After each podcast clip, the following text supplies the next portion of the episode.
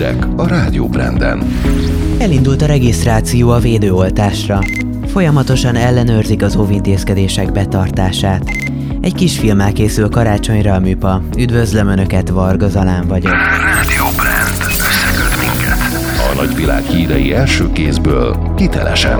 A legfontosabb információk. Itt a Rádió Branden. Már lehet jelentkezni a koronavírus elleni védőoltásra. Elindult az a weboldal, amelyen bárki regisztrálhat. Az országos tisztifőorvos azt mondta, a regisztráció nem jelent kötelezettséget és elsőbséget sem élvez, aki feliratkozik. Müller Cecília az operatív törzs tájékoztatóján hangsúlyozta, az oltási terv szerint az idősek és a krónikus betegségben szenvedők előnyt élveznek majd.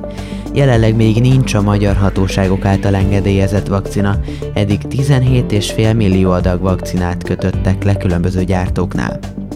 Csökken a járvány terjedési sebessége, de a koronavírus örökítő anyaga továbbra is mindenütt kimutatható a szennyvízben, közölte a Nemzeti Népegészségügyi Központ.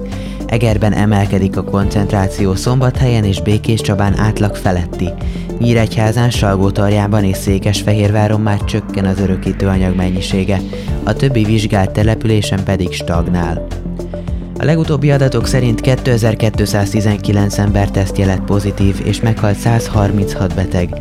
Jelenleg az aktív fertőzöttek száma 175 ezer.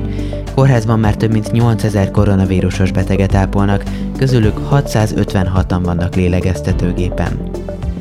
Továbbra is ellenőrzi a rendőrség az óvintézkedések betartását. Tegnap a maszkviselési kötelezettség megszegése miatt több mint 200-szor a kiárási, valamint a gyülekezési tilalom be nem tartása miatt több mint 300 emberrel szemben kellett intézkedniük. Eddig már 90 üzletet zártak be, mert nem tartották be az előírásokat.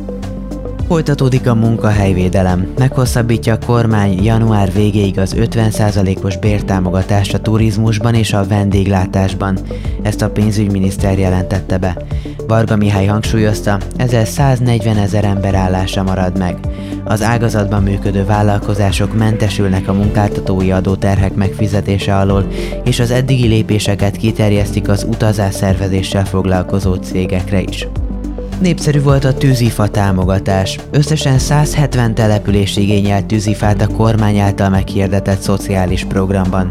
A Nyírerdő több mint 47 ezer köbméter tüzelőt biztosít szabolcs már Bereg, Hajdubihar és Jász Nagykunszolnok megyékben. A tüzelő nagy része már eljutott az önkormányzatokhoz, de február közepéig minden település megkapja a fűtőanyagot. Karácsonyi kisfilmmel készül az ünnepekre a műpa. Az alkotás a zene erejéről szól. A filmben Liszt Ferenc unokájához írt Karácsonyfa ciklusának első és ötödik darabját idézik meg, amelyeket a Solaris zenekar alapító tagja Erdész Robert dolgozott át. A nézők bepillantást nyerhetnek a színfalak mögötti titkokba, megismerkedhetnek egy különleges hangszerrel, és tanul lehetnek egy újonnan szövődő, szokatlan barátságnak is. A kisfilm rendezője a Balázs Béla díjas Szász Attila.